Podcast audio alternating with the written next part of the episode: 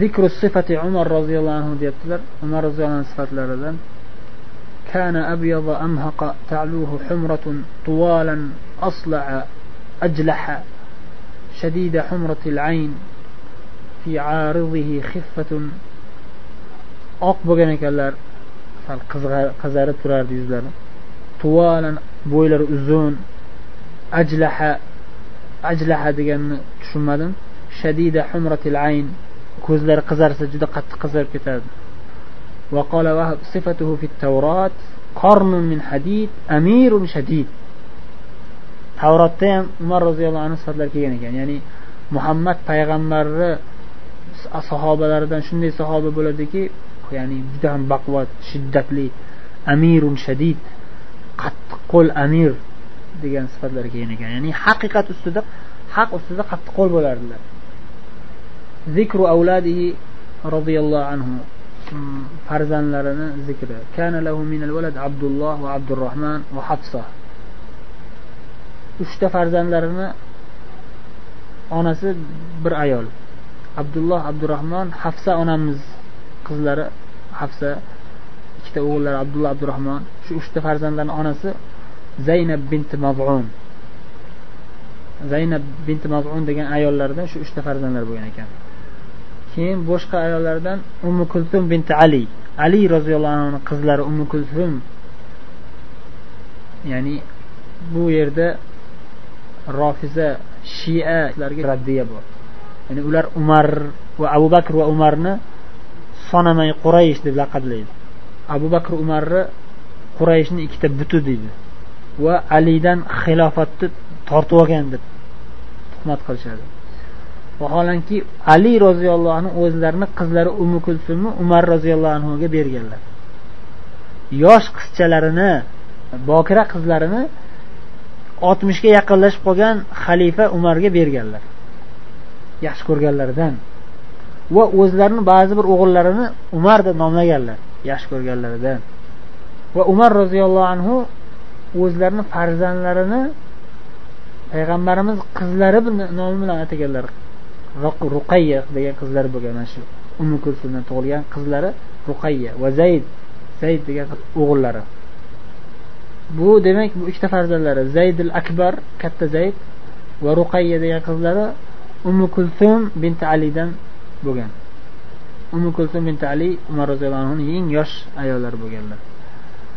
Va zaydil asg'ar va ubaydulloh umi kulsum binti jarval keyin ummu kulsum binti jarvol degan uchinchi ayollaridan zayd yana bitta o'g'illarini zayd nomlaganlar zayd deb nomlashlari sabablaridan o'sha zayd ibn horisani juda qattiq yaxshi ko'radilar. Zayd ibn horisa roziyallohu anhu payg'ambar sallallohu alayhi vasallam xizmatchilari va johiliyat davrida zayd ibn muhammad deb aytilardi. O'g'il qilib olgandilar keyin islom dinidan qaytargan o'z otasiga hamma o'z otasiga nisbat berilishi kerak. Alloh taolo ahzob surasida nozil qilgan. Shu shundan keyin o'zlarini otalari zayd ibn harisada aytilardilar. Lekin zayd ibn harisa roziyallohu anhu payg'ambarimiz shu darajada qattiq yaxshi ko'rganlaridan johiliyat davridayoq payg'ambarimiz oldilariga zayd ibn horisani ota onalari topib kelishadi yo'qotib qo'yishgan bo'lishadida topib kelishganda man sizlarni ham yaxshi ko'raman ota onam sizlaru lekin baribir muhammad ali muhammad otam bu kishi mana otam mani o'g'il qilib oldilar tashlab ketmayman endi deb qolganlar payg'ambarimiz bilan qattiq yaxshi ko'rganliklaridan bu johiliyat davridayoq bo'lgan xullas umar roziyallohu anhu zayd ibn horisa shahid bo'lib ketganliklari uchun va buyuk sahobiy bo'lganliklari uchun yaxshi ko'rib ikkita o'g'illarini ham zayd deb nomlaganlar.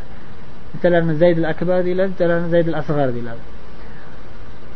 Demak zaydil asg'ar va ubaydulloh degan o'g'illari uchinchi ayollaridan bo'lgan. Umi kulsum binti jarval boshqa umi kulsum yana bitta o'g'illari osim degan o'g'illari to'rtinchi ayollari jamila degan ayollaridan bo'lgan ekan.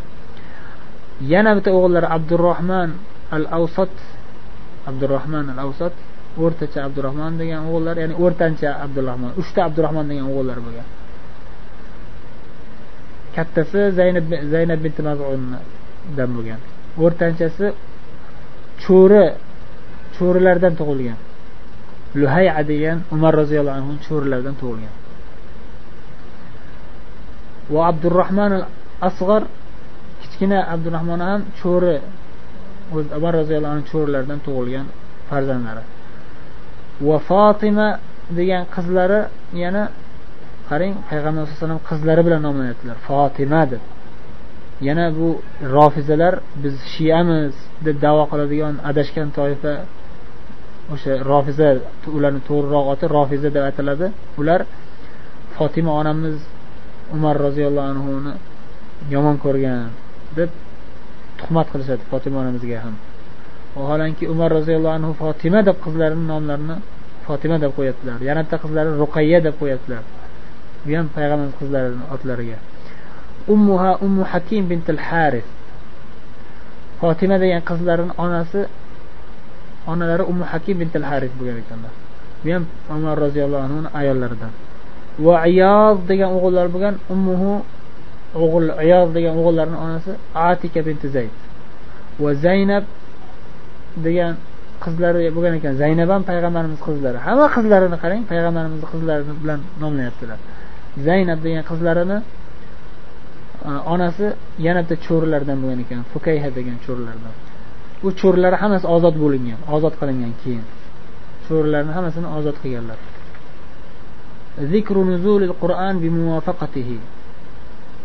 Qur'oni karim umar roziyallohu anhuga muvofiq kelib tushgan bir necha oyatlar bor.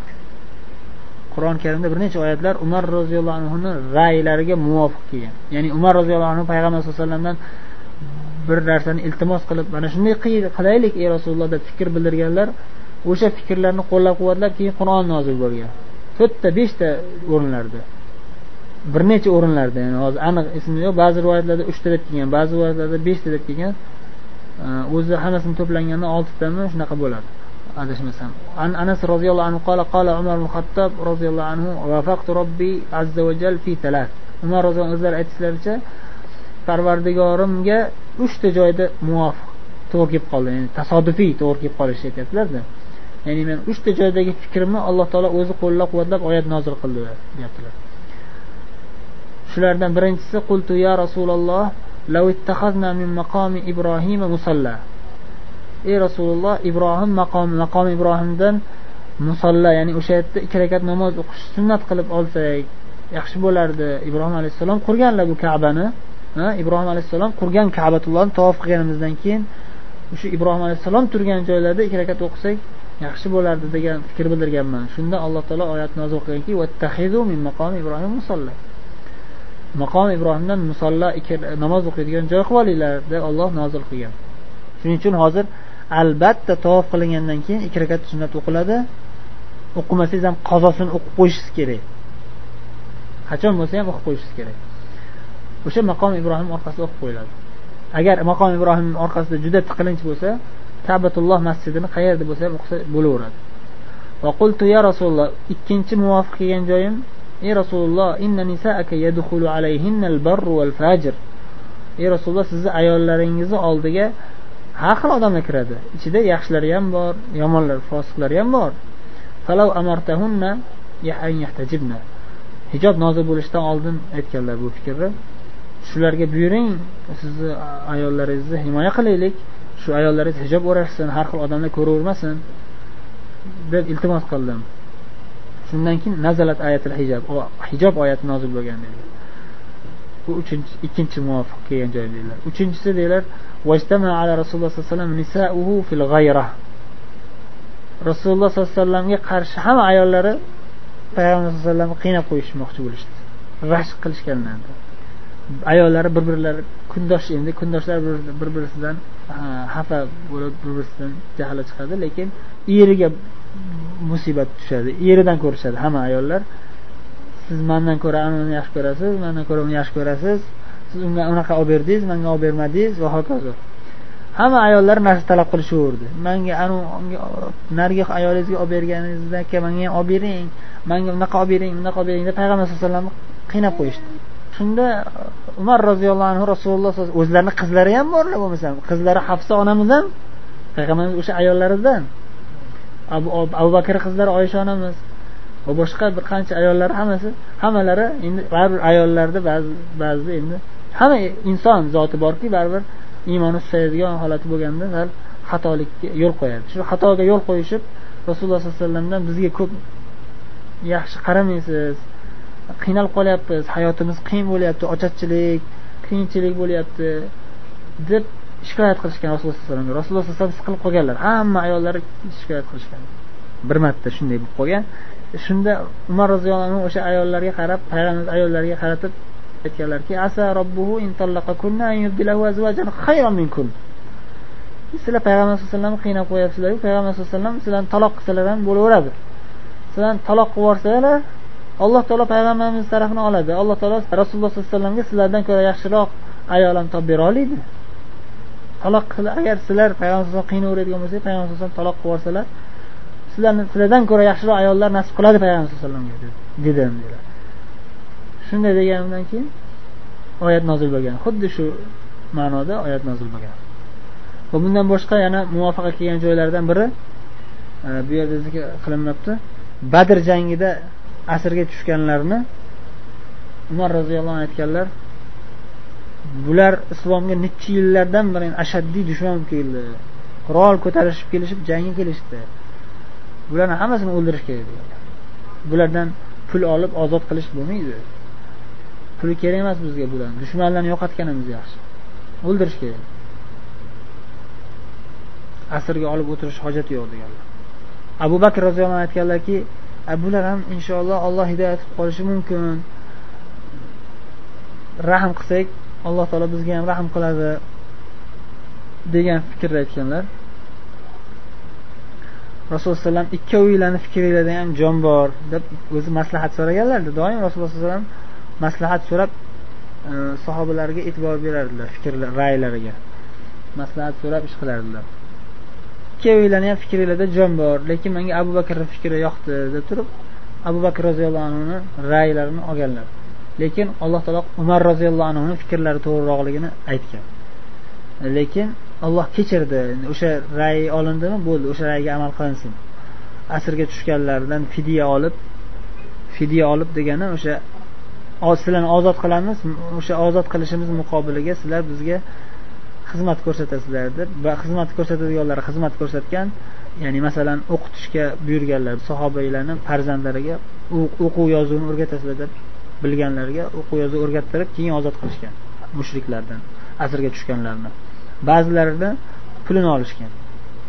Shu o'rinda ham umar roziyallohu anhu fikrlari to'g'ri bo'lgan ammo lekin rasululloh sallallohu alayhi vasallam qaror chiqarganlaridan keyin alloh taolo o'sha qaror amalga oshirilsin. O'zi aslida umarniki edi lekin olloh kechirdi.